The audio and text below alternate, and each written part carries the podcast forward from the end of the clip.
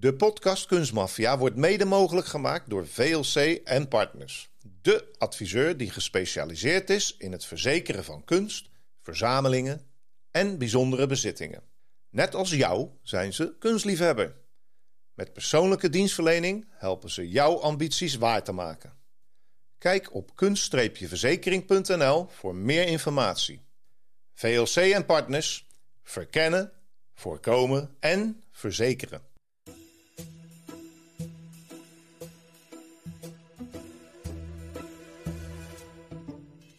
Op 21 augustus 1911 komt de Franse schilder Louis Barrault de Salon Carré binnen. Een iconische kamer in het Louvre.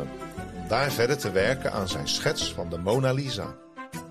Maar op de plek waar het schilderij moet hangen, treft hij slechts vier lege haakjes aan. Hoe kan het beroemdste schilderij ter wereld zomaar verdwenen zijn? En hoeveel Mona Lisa's heeft Leonardo da Vinci eigenlijk geschilderd? Dit is Kunstmafia, een podcast over roof, vervalsing en zwendel in de internationale kunst- en antiekwereld. Door Rick Bouwman en Robert Tettero. Deze keer in Kunstmafia, zaak 7. Leonardo da Vinci en zijn haren van Mona Lisa's. Leonardo da Vinci. Wat een geweldige vent was dat volgens mij. Ik denk dat het wel een aardige kerel is. Vroeger had je een stripboek ook geheten Leonardo. De, ken je dat? Ja, je, uit de Guus Vlater Ja, tijd zeker, enzovoort. En zeker. dat was dan eh, de uitvinder en de schilder en de kunstenaar. ja, en niet zo gek ook dat ze hem Leonardo noemen. Want eh, hij was inderdaad natuurlijk architect, uitvinder, ingenieur, filosoof. Eh, ga maar door. En het mooie ervan was natuurlijk dat hij eh, dingen heeft getekend, laten zien, ontworpen. Die later ook nog uitgekomen zijn. Ja, volgens mij een helikopter. De Vitruvian Man, weet je, die, die, die man die in zo'n soort pentagram staat. Zoals de verhoudingen van het lichaam, een soort anatomie, eh, was hij heel goed in. Ja. Maar dat deed hij ook in het echt. Dus eh, hij deed anatomie op lijken. Ja, En hij dacht dat de zon stil stond en wij er omheen draaiden met de planeet toen al. En ja, zijn beschermheer, de paus, die vond dat maar helemaal niks. Dus hij moest ook een beetje oppassen dat hij niet te veel eh, uit de school klapte met zijn ideeën. Maar ja, Ja. Het is een, eh, ja hij heeft inderdaad veel dingen uitgevonden. Ja, nou ja, en eh, ja, zijn allerbekendste werk is natuurlijk de Mona Lisa. Maar hij heeft er nog een paar, want eh Laatste Avondmaal was natuurlijk ook van hem. Heel beroemd ook, hè? Op zijn Absoluut. muurschildering in Italië. Ja, en dan die schetsboeken vol uitvindingen waar je het net over had. En ook de anatomische tekeningen. Ja, dat zijn natuurlijk ook allemaal wereldberoemde... Nou, als je Bladzijden. zeg maar intikt tien grootste schilders van de wereld enzovoort, dan krijg je dat lijstje en dan staat eigenlijk Leonardo altijd wel op één. Eh, terwijl er eigenlijk niet zo heel veel schilderijen van hem eh, te vinden zijn. Maar gek genoeg zijn er een hele hoop Mona Lisa's. Ja, heel veel. Volgens mij hangt er ergens eentje in Frankrijk. In, eh, in het Louvre. Ja, heb je hem wel eens zien hangen daar? Ik nog niet, nee. Ja, ik, ik wil toch even een... Jij bent wel geweest, ja, geloof ik, hè? nou, dat was een jaar. Ik ben, ik ben op mijn zestiende in Parijs geweest. En, nou, dat weten we nog van die van de Eiffeltoren, het verhaal. Maar ik, ik ben een- toen in een Louvre geweest. Dat, nou, weet ik nauwelijks meer. Staan rondrennen eh, met eh, een hele groep schoolkinderen. Maar een jaar of tien geleden was ik nog een keer in het eh, Louvre. En toen dacht ik, nu eens even alles goed nakijken. En er is natuurlijk heel veel te zien. Het is enorm groot. En toen kwam ik in de kamer van de Mona Lisa. En wat schetst mijn verbazing? Daar werd gejuicht. Dus ik dacht, nou ja, er staat iemand, is dat Lady Gaga? Nee, het was Mona Lisa. En nou, er komen ook 20.000 mensen per dag voorbij. Maar zo overdreven en echt, ik, ik lieg niet. Het was echt van, hey, weet je wel, mensen. En allemaal, als je, als je, ik heb er foto's van. Ik zal ze posten op het Instagram-account van Kunstmafia. En dan zie je dus ook echt eh, al die telefoontjes in de lucht. Dus je moet nog goed kijken ook, want het is maar een heel klein schilderij. En eh, ja, ik ben niet naar voren gerend. Ik heb me niet naar voren geduwd. Dan is het makkelijker om gewoon in het Rijksmuseum naar de Rembrandt, eh, de nachtwacht te kijken. Die is lekker groot. Eh, en dan kun je eh, zo voorbij lopen. Maar dit, dit was echt een, eh, ja, een aparte ervaring. Ja, en dit schilderij van 50 bij 75 centimeter, om het zo maar even te noemen. Er staan gewoon 7 miljoen mensen jaarlijks naar te kijken. 7 miljoen. Ja, het is uh, 20.000 per dag. Het is echt. ik was er één van. En um, nou goed, ik, heb er, ik vond de, de, de echte indruk maakte meer de mensen op mij dan zeg maar het schilderij zelf. Ik heb het van een afstand gezien. Maar goed, iedereen heeft de Mona Lisa al een keer gezien. Iedereen weet hoe ze eruit ziet en hoe ze lacht. Het zou waarschijnlijk uh, Lisa Gerardini geweest zijn. Zij was de derde echtgenote van Francesco del Giocondo. Ja, en daarom is de schilderij ook wel Gioconda genoemd. Of de Mona Lisa. Het uh, hing ook een beetje af Frankrijk, Italië. Uh, het ging er net om wie waar zat. Het heeft een dubbele naam in feite gekregen. Alleen ja, bij ons is het natuurlijk uh, onder de naam Mona Lisa het, het allerbekendst. Ja, wat er nog meer bekend aan is, is, is toch die, die glimlach. Is het nou wel of niet een glimlach? Daar zijn al boeken vol over uh, geschreven. De geheimzinnige glimlach, ja, dat is toch wel uh, waardoor ze bekend worden. Maar ik denk toch dat ze ergens anders bekend door is geworden. Ik denk dat dit hele verhaal van die diefstal, waar we mee begonnen, dat dat eigenlijk uh, het, het, de start is gewo geworden zeg maar, van de populariteit en de beroemdheid van dit dit schilderij. Ja, want uh, de Mona Lisa was niet eens het bekendste schilderij op dat moment in het Louvre. Het werd gewoon gezien als een schilderij. Alleen ja, door uh, de diefstal die, uh, die plaatsvond, was er ineens een vrouw verdwenen. Ja, en dat werd een hele bekende vrouw. Dat was een knappe vrouw volgens de meeste mensen. Dus dat was big nieuws. Want op 21 augustus 1911, hebben we het al gezegd, kwam die schilder Berou uh, binnen om zijn schetsen af te maken. Dat was in die kamer in het Louvre waar hij maakte uh, schilderijen en uh, kopieën daarvan. En dan denkt hij allereerst van hij ziet die lege haakjes hangen van nou die nou, gaat aan een bewaker vragen. Nou de bewaker ligt te slapen. Ja, die, die eerste lag te slapen. Dus die heeft niks gezien. En, en de tweede vertelde aan hem, nou, die zal wel in de, in de fotokamer liggen. Uh, Want uh, ja, dan maken ze wel eens foto's uh, in die tijd al. En, dus, nou ja, goed. Hij gaat verder met de andere schilderijen. En vervolgens gebeurt er niks. En blijkt, ja, ook in de fotokamer, blijkt niemand er iets van af te weten. En dan wordt het paniek, hè. Dan worden alle supposten opgetrommeld. Nou, ik lees een aantal van 250, dat lijkt me wel veel. Maar ja, Louvre is groot.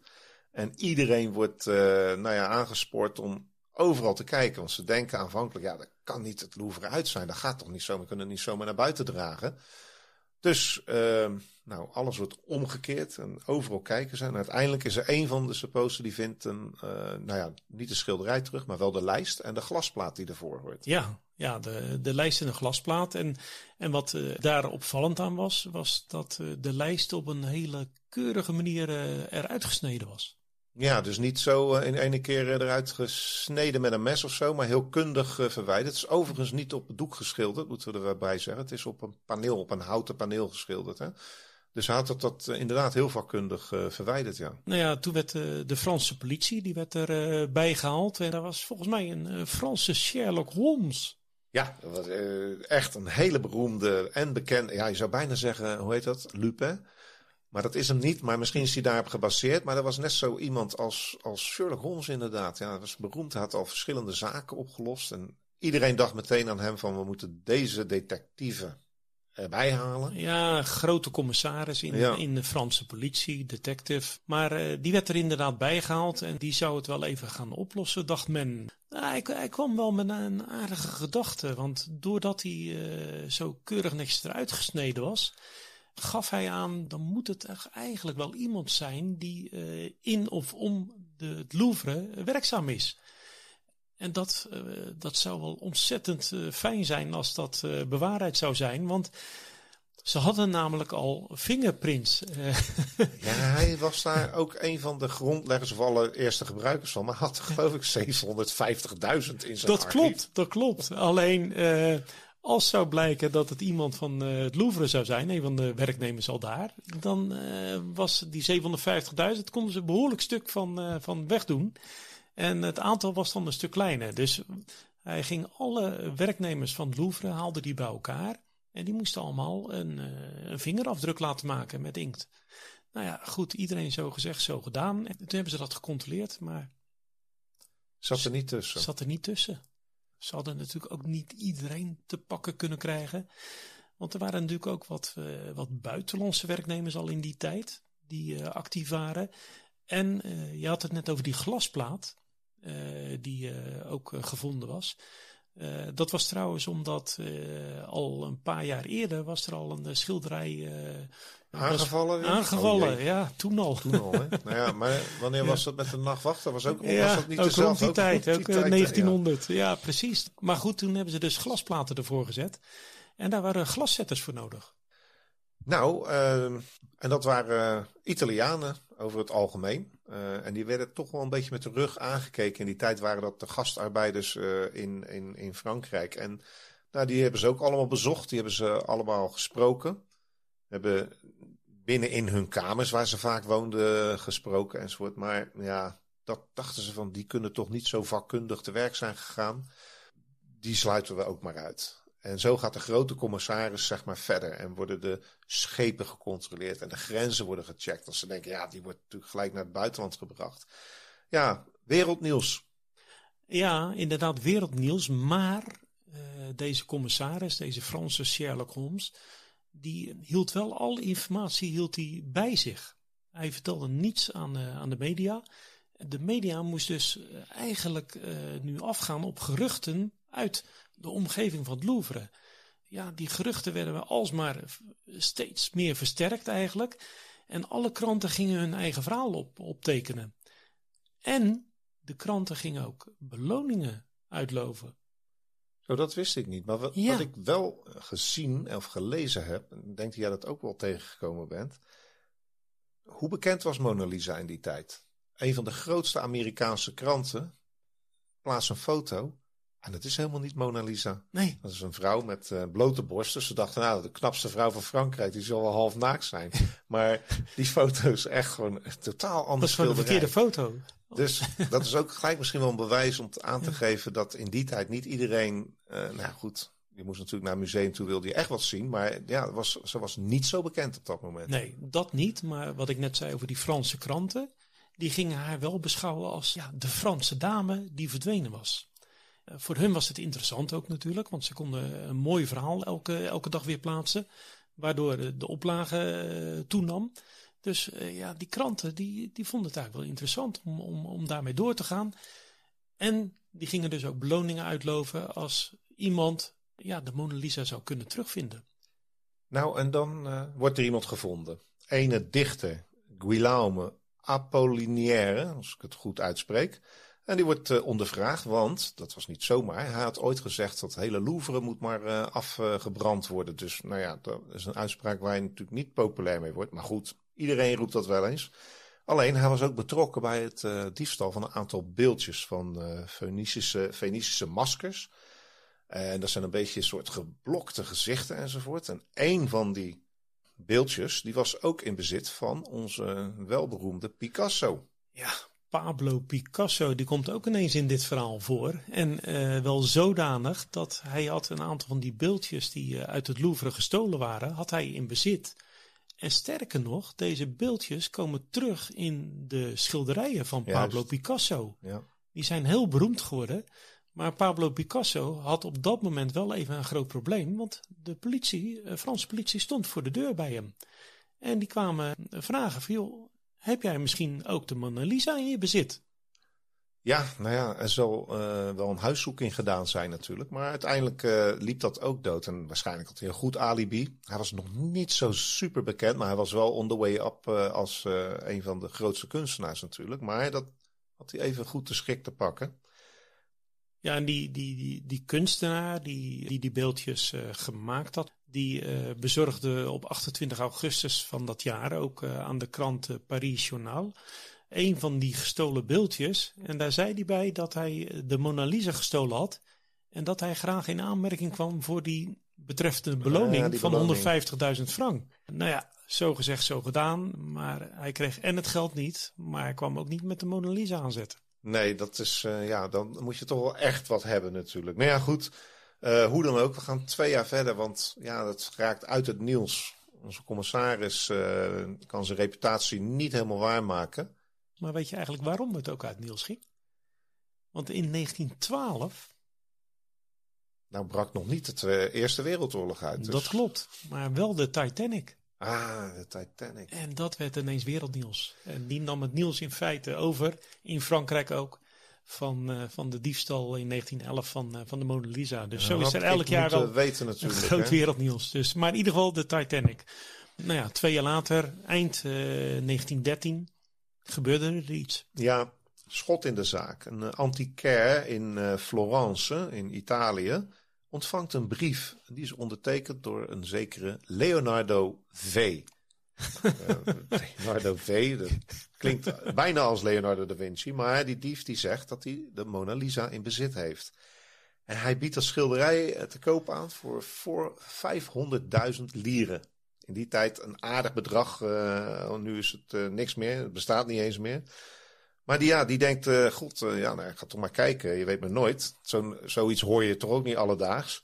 En, maar die neemt wel iemand mee. Hij neemt de directeur van het Uffizi Museum mee. Nou, dat is een heel beroemd Italiaans museum ook.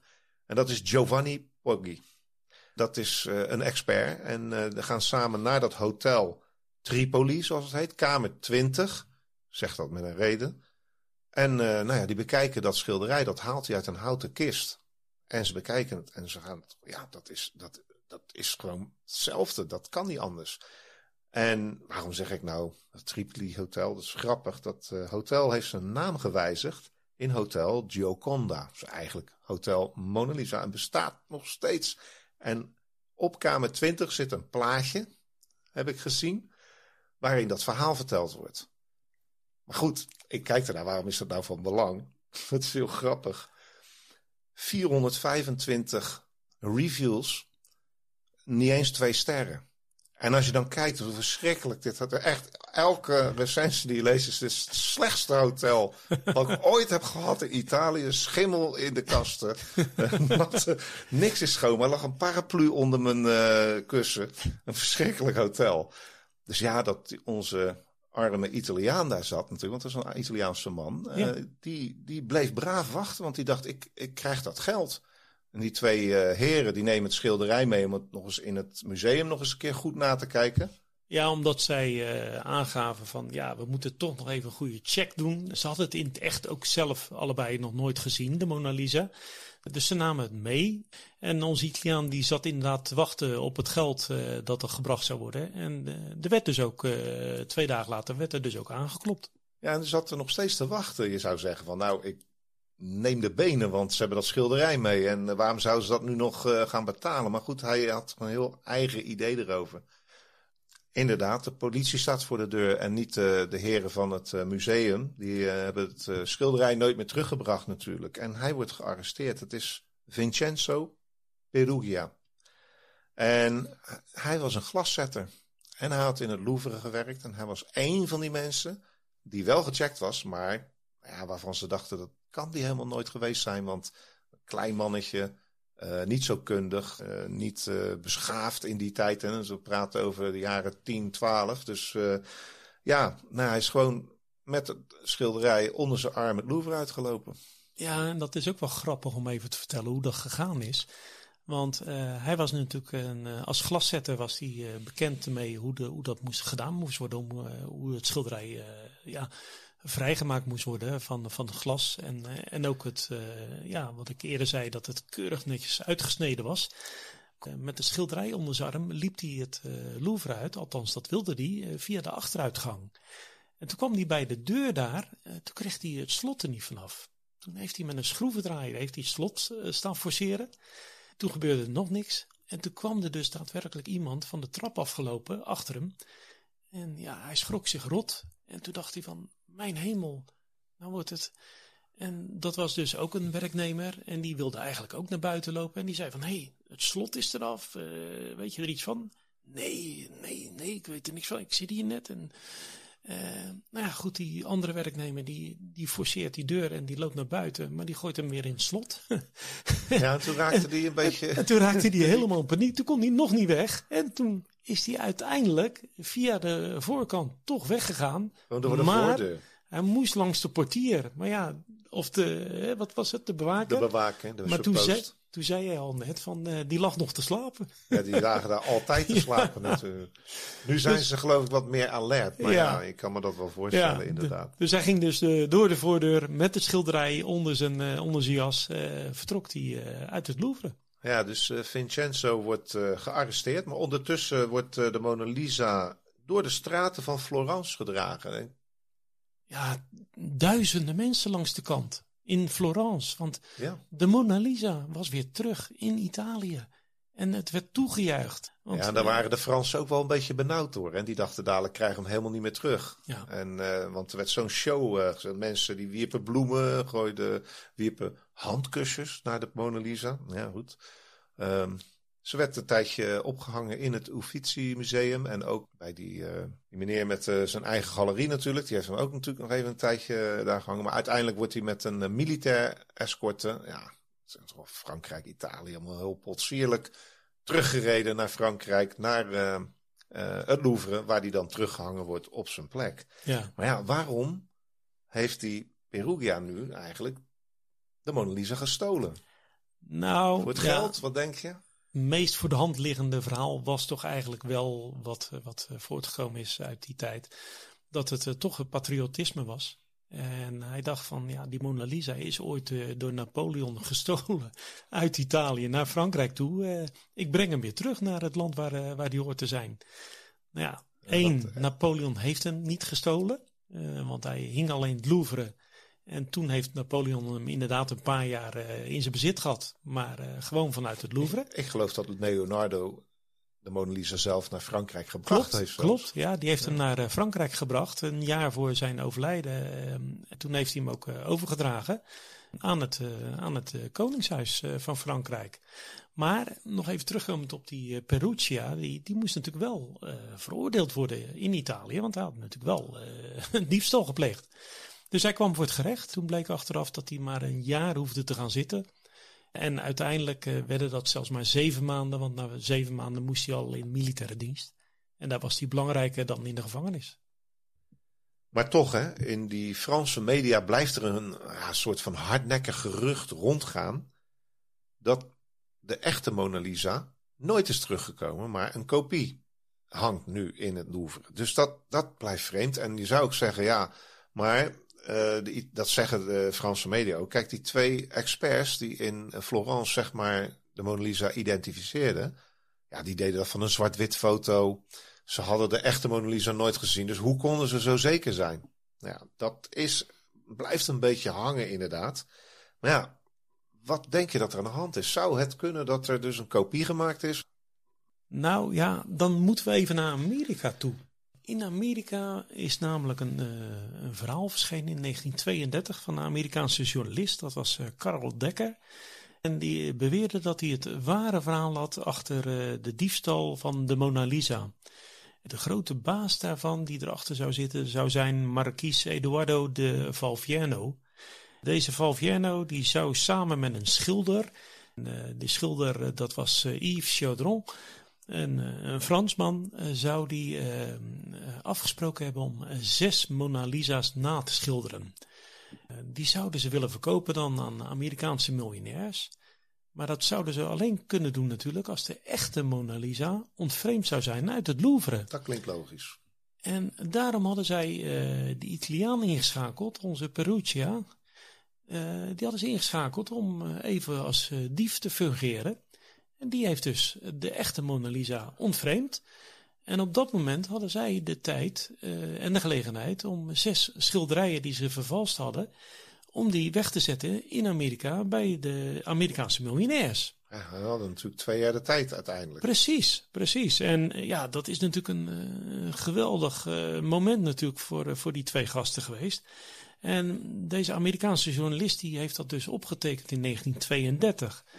Maar zoals het eh, vaak gebeurt, nou zijn er een aantal maren in dit verhaal naar voren gekomen. En zo heeft eh, deze journalist een aantal dingen opgetekend die achteraf ook al eerder in andere krantenberichten hadden gestaan. Men ging steeds meer de gedachte hebben dat eh, deze Amerikaanse journalist het verhaal compleet verzonnen had aan de hand van andere krantenartikelen en dat hij die bij elkaar geveegd had, waardoor hij één verhaal gemaakt had. Want er was ook eerder al een Amerikaan geweest die een beetje vergelijkbare markiesachtige zaken had ontplooid. Uh, nou, dat vond hij een mooi verhaal om, om te gebruiken. Dus ja, experts zeggen op een gegeven moment van ja, dit, dit klopt niet. Maar dat is dan wel vrij recent. Want ja, ik heb dit verhaal wel gelezen in allerlei kranten in de jaren 50, 60. Wanneer de Mona Lisa Niels is, wordt dit verhaal gewoon gedeeld. Ja, de media ging er gewoon mee door met dit verhaal. En, eh, of is er vandoor gegaan met dit verhaal. En het is dus ook in de jaren 50, 60 en, en later zelfs nog is het verhaal doet nog steeds de ronde. En ik moet je eerlijk zeggen, voordat wij aan deze aflevering begonnen, had ik dat verhaal eigenlijk ook al in mijn hoofd zitten. Ja, ik heb het wel eens eerder gehoord. En, ik dacht ook dat, dat het schilderij in het Louvre misschien niet eens de echte was. Ja, het heeft wel bijgedragen natuurlijk weer aan de mythologie van de Mona Lisa. En nou ja, je zegt natuurlijk van oké, dat zijn dan zes kopieën. Die zijn nooit meer opkomen dagen. Nou, weet ik niet 100% zeker. Maar we, hebben nog wat andere kopieën. En sommige zijn wel heel erg uh, echt. Uh, een van de uh, meest beroemde na de echte, echte Mona Lisa van het Louvre is de Mona Lisa in de Prado in Madrid. En die is zeer waarschijnlijk gemaakt door de leerlingen van Leonardo da Vinci in zijn eigen atelier in Florence. Dus ja, de hand van de meester kan hier wel aan meegetekend hebben, maar dat is bewezen. Dat is 100% zeker. Maar het heeft niet zo'n grote naam en faam als de echte Mona Lisa. Ja, nou ja, daarnaast hangen nog een aantal andere bekende kopieën. En, en die hangen in de, de Vernon-collectie, dat is een privécollectie. Uh, het Walters Art Museum, het National Museum in Oslo. In de jaren 20 overigens, van de vorige eeuw, uh, dus 1920 en, en wat later, buitelden de experts over elkaar heen en twisten over welke Mona Lisa nou eigenlijk het origineel was. Ja, dat is dan eh, weer onderzoek wat gedaan moet worden en wat ja, waarschijnlijk nog steeds plaatsvindt. Maar in 1952 in Amerika komt er weer een Mona Lisa, een vrij nieuwe Mona Lisa, want die andere die jij net noemde, die hangen al eeuwen in die, uh, in die verschillende musea. En er was een kunsthandelaar, William Girders, en die maakt bekend dat hij het schilderij in bezit heeft, dat dat, dat echte Mona Lisa is. Hij biedt het zelfs aan aan de stad van Florence. En daar is professor Giovanni Poggi, die we nog kennen uit 1913, die uh, de echte Mona Lisa teruggevonden heeft. Ja, die kon natuurlijk niet gaan zeggen: dit is de echte Mona Lisa, want hij had een andere al voor echt verklaard. En of dat schilderij ooit naar Florence gekomen is, dat is niet zeker. Dan uh, komen we toch ook bij een Nederlander terecht, en wel Raymond Hecking. Want Raymond Hecking had in de jaren 50 een, uh, op, op een antiekmarkt had hij in Nice een uh, schilderij uh, ontdekt. Die volgens hem ook de Mona Lisa was. Of een Mona Lisa, laten we het zo maar zeggen. En die had hij voor uh, omgerekend 5 euro aan kunnen schaffen. Ja, dat is geen geld natuurlijk. En ehm, ja, toen hij thuis was, begon hij toch wel een beetje te twijfelen van... Nou ja, dit is wel, hij is op canvas, is op doek geschilderd. het is niet op een paneel. Maar hij is zeker veel en veel ouder. En ja, degene die het verkocht, die kon ook niet aangeven hoe oud hij was, of hoe hij eraan gekomen was, of wilde dat niet zeggen.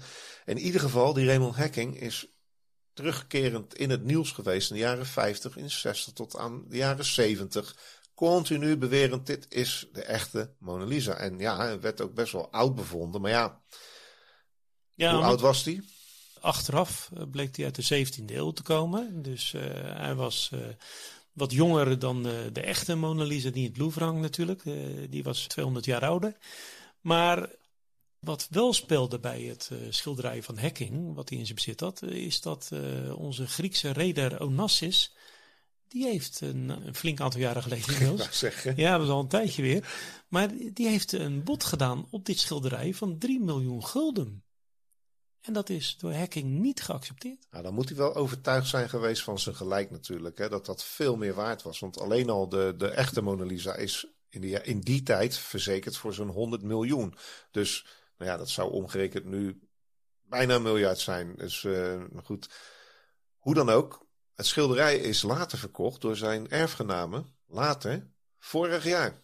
Ja. 2021. Voor bijna 3 miljoen euro op Christie's in Parijs.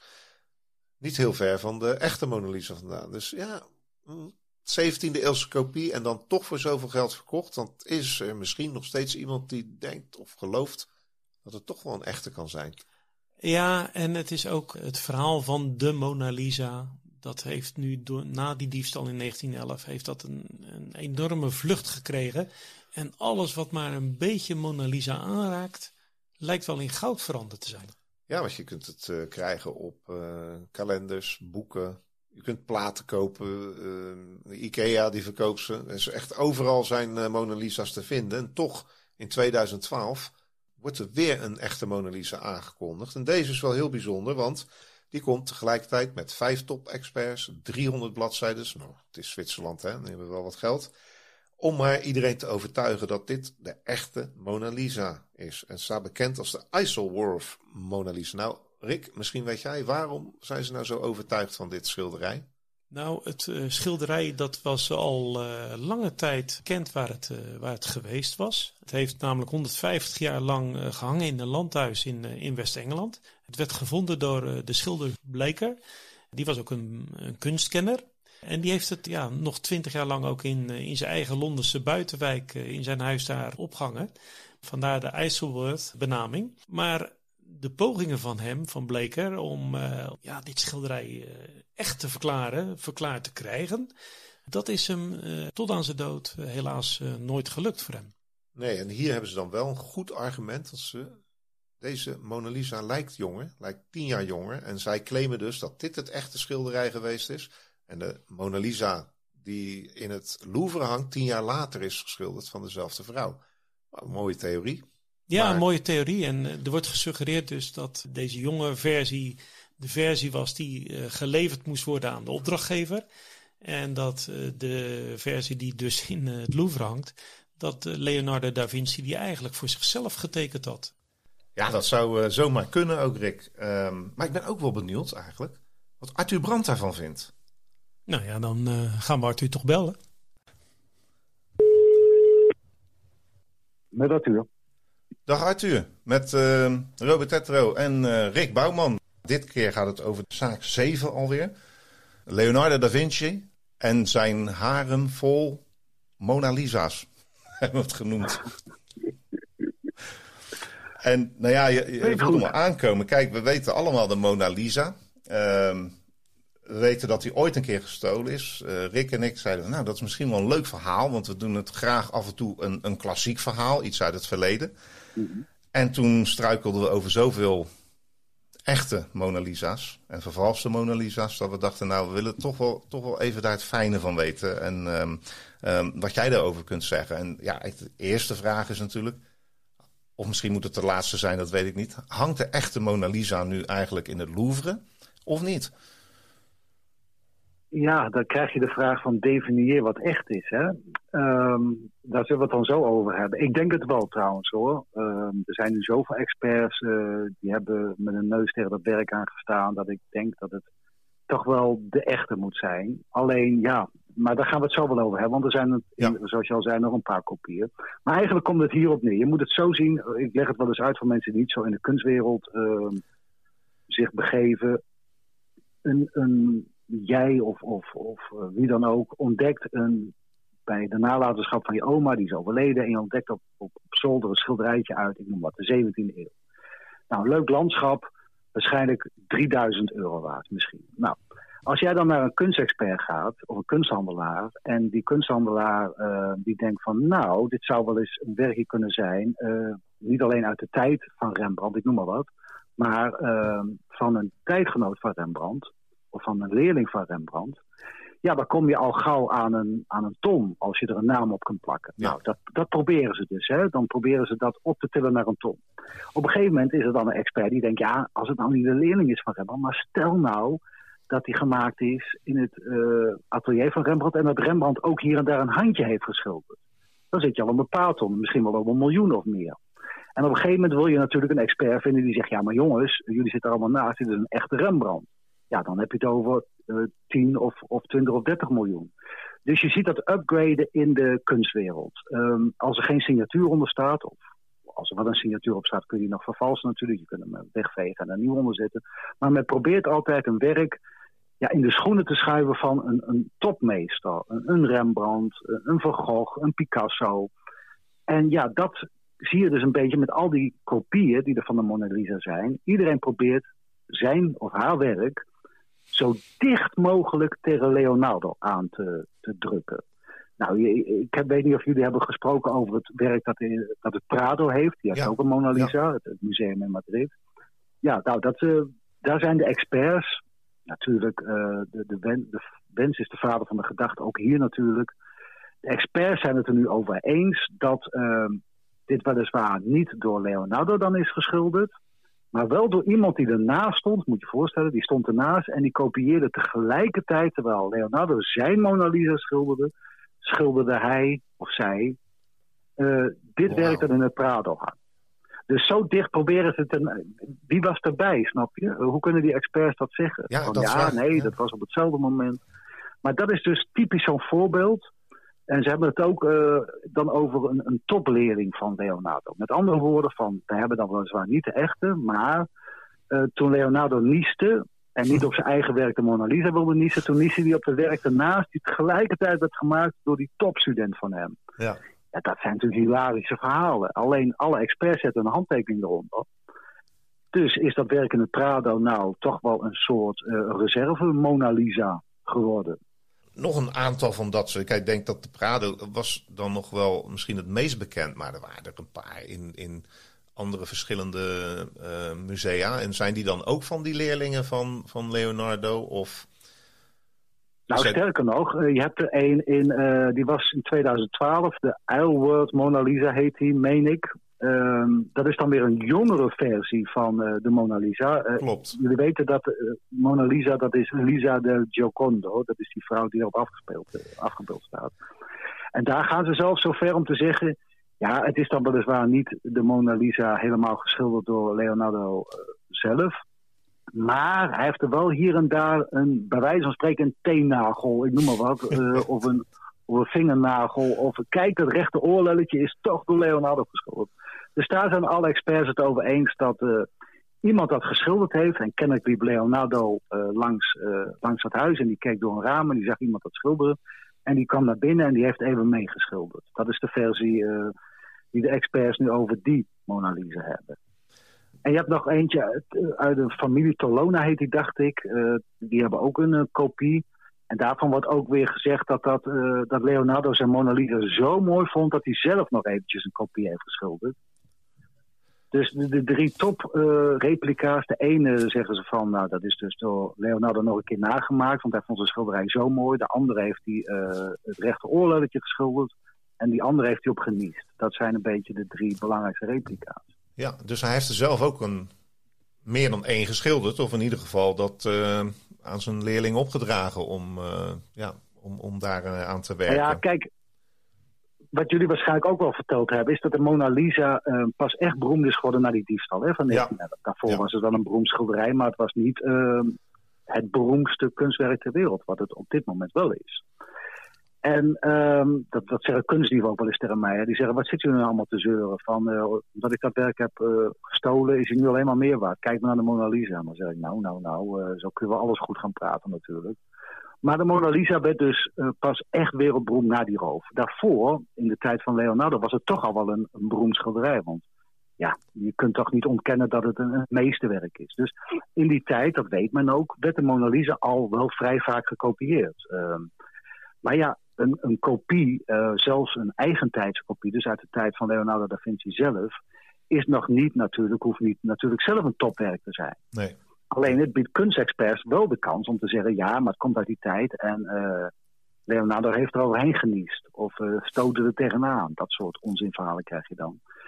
Dus dat is wel wat je ziet wat er dan gebeurt met dat soort werken. En er zullen vast nog wel meer werken uiteindelijk een keer opduiken. Want we hebben er om de tien jaar duikt er weer een nieuwe Mona Lisa op. We hadden we laatst ook alweer, die, die Nederlandse... Ja, nou ik wilde hem eigenlijk uh, gewoon... Ja, ik wilde hem net uh, noemen eigenlijk. Dat uh, Raymond Hacking heet die, meen ik. En in de oh, jaren ja, Hacking, 50 ja. beweert hij dat hij een Mona Lisa gekocht heeft in Nice ergens. voor 5 euro ja. omgerekend. Ik weet niet hoeveel frank dat was toen.